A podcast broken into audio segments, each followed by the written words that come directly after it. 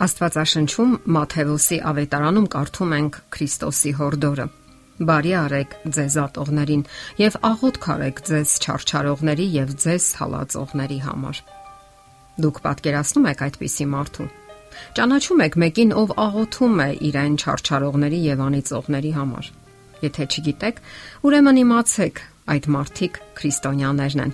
Գուցե նրանք այնքան էլ շատ չեն, սակայն նրանք գոյություն ունեն եւ նրանք մեր կողքին են։ Նրանք ողորմած մարդիկ են, ովքեր հետևում են իրենց փրկչի հորդորներին։ Եղեք ողորմած, որովհետեւ մեր աշխարհն ունի հենց այդպիսի մարդկանց կարիքը։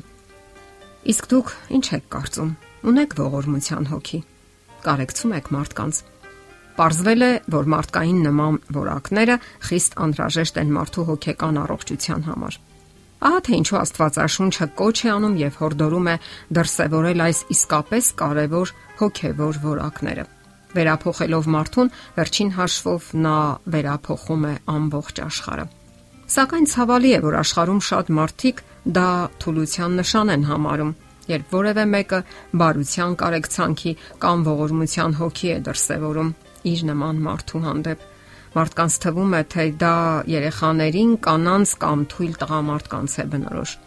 Հետաքրքիր փորձեր են արել ողրզելու, թե որքանով է մարդը ընդունակ կարեկցելու դիմացինին, կամ այն մարդկանց, ովքեր, այսպես ասած, իրենց հարազատները չեն համարվում։ Դա կարող է լինել, ասենք, հակառակորդ թիմի երկրպագուն։ Եվ ահա փորձի մասնակիցները լսել են, թե ինչպես հարևան սենյակում էլեկտրական հարվածներ է ստանում այդ հակառակորդ թիմի երկրպագուն եւ ցավից բղավում է իսկ մյուս պահին հարվածներ է ստանում իրենց սիրելի թիմի երկրպագուն։ Փորձի մասնակիցների մեջ գերակշռել են նրանք, ովքեր կարեկցել են իրենց սիրելի թիմի երկրպագուներին, այլ ոչ հակառակորդ թիմի երկրպագուներին։ Թվում է, པարզ դեպք է այնպես չէ, սակայն սա հստակ ցույց է տալիս այն աշխարհի վիճակը, որտեղ մենք ապրում ենք։ Մենք ապրում ենք ողորմությունից եւ կարեկցանքից զուրկ աշխարհում եւ չենք կարողանում հասկանալ դիմացինին եւ ընդունել նրա ապրումներն ու ցավերը որպես մեր սեփականը չենք կարողանում անշահախնդիր ընկալել այլոց հետաքրքրություններն ու հոգսերը եւ օտար կարիքները մերը համարել։ Սակայն միևնույն ժամանակ հայտնի է, որ մեր աշխարհը վերափոխում են հենց ուժեղ ու բարի մարդիկ։ Մինչ թույլ մարդիկ միայն գանգատվում են, ապրում իրենց նեղ եւ սահմանափակ միջավայրում, ուժեղ եւ բարի մարդիկ իրենց ջերմությամբ, ժպիտով, քնքշությամբ, անկեղծ գրկախառնությամբ, բարության գործերով վերափոխում են հասարակության կյանքը։ Այդ մարդիկ ուրախadir են, հոգատար, սատարում են դժվարության մեջ հայտնվողներին եւ ժամանակին հասնում օգնության։ Հոգևոր ճշմարտություն է, որ այդ բոլոր բարի արարքները, որ գործում ենք մենք, վաղ թե ուշ անպայման հետ են վերադառնալու։ Դրանք վերադառնում են ամենաանսպասելի ժամանակ եւ ամենաանսպասելի իրավիճակներում, ամենատարբեր աղբյուրներից եւ կվերադառնան, երբ մեր գործերը քննվեն Աստվածային մեծ դատաստանի ժամանակ։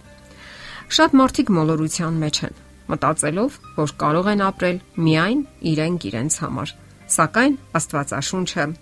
ուրիշ բան է ասում. Մենք ստեղծված ենք բարի գործերի համար եւ պետք չէ վախենալ, որ գուցե ծիծաղեն մեզ վրա կամ էլ մեզ համարեն թույլ անznավորություն։ Վստահ եղեք, որ հենց ուժեղ մարդիկ են բարության օրինակներ ցույց տալիս եւ գեղեցկացնում ցավերով ու տարապանքներով լի մեր աշխարհը։ Փորձեք եւ կտեսնեք, թե որքան դրական լիցքեր կստանաք թե դուք եւ թե ձեր շրջապատը։ Օգնության նույնիսկ ամենափոքրիկ արարքը կարող է ավելի պայծառ դարձնել աշխարհը։ Մի օրինակ կյանքից։ Ուղևորների հոսքը արագ մտնում է մետրոյի վագոնները։ Բոլորը արագ տեղավորվում են։ Մտնում է նաև մի 5 տարեկան երեխա եւ հարմար տեղավորվում, համարյա կիսապարկած։ Ժողովուրդը նեղվում է երեխայի վրա, որովհետեւ նա չի էլ պատրաստվում որևէ մեկին զիջել իր կողքի նստատեղը։ Եվ ինչ դժգոհությունների ալիքն աճում է, ներս է մտնում ծանր պայուսակներով բեռնավորված մի կին։ Տղան արագ կանգնում է եւ համարյա բղավում Մայրիկ, նստիր, քեզ համար տեղ եմ պահել։ Մարդիկ ուրախ եւ նույնիսկ հուզված նայում են տղային։ Իսկ գիտեք թե ովքեր եւ ինչու են բարի մարդկանց թույլ անznավորություն համարում։ Դրանք այն մարդիկ են, ովքեր բավականաչափ կամքի ուժ չունեն, որովհետև բարությունը ծանր գործ է եւ հոգեկան որոշակի ուժեր է պահանջում, իսկ շատ ու շատ մարդիկ պարզապես պատրաստ չեն դրան։ Սակայն պետք է հասկանալ, որ բարությունը ամենից առաջ ընտրություն է, մենք ընտրում կամ մերժում ենք բարությունը։ Բարի մարդիկ հրաշալի հասկանում են, թե ինչպես է կառուցված մեր աշխարհը, եւ նրանք ընտրում են բարությունը։ Հեշտ չէ ինչ որ բան տալ, զոհաբերել, սակայն հոգով ուժեղ մարդիկ կարողանում են տալ։ Հոգու ուժ է պահանջվում, երբ որոշում ես նվիրաբերել քո ժամանակը, քո դրամները, քո հոգու եւ մտքի մի մասնիկը։ Եվ հեշտ չէ ջանքեր գործադրել, երբ ինքդ ունես ուրիշների օգնության եւ ուշադրության կարիքը։ Սակայն մարդը բավականություն է զգում, երբ կարողանում է կիսվել ամեն լավով ու գեղեցիկով, որ ունի ինքը։ Եվ ոչ թույլ մարդիկ բողոքում են, գանգատվում, պահանջում, ուժեղ մարդիկ գործում են։ Ոչ թույլ մարդիկ մեղավորներ են որոնում եւ ավելի թուլանում։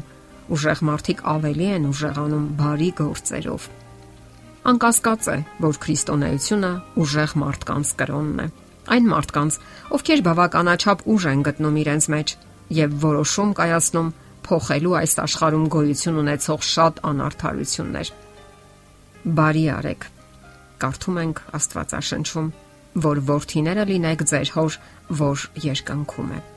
Իսկ դուք ցանկանում եք նմանվել ձեր հորը, որ երկնքում է։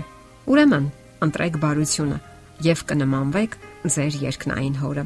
Դա էլ հենց այն է, ինչ պահանջվում է մեզանից այս աշխարհում։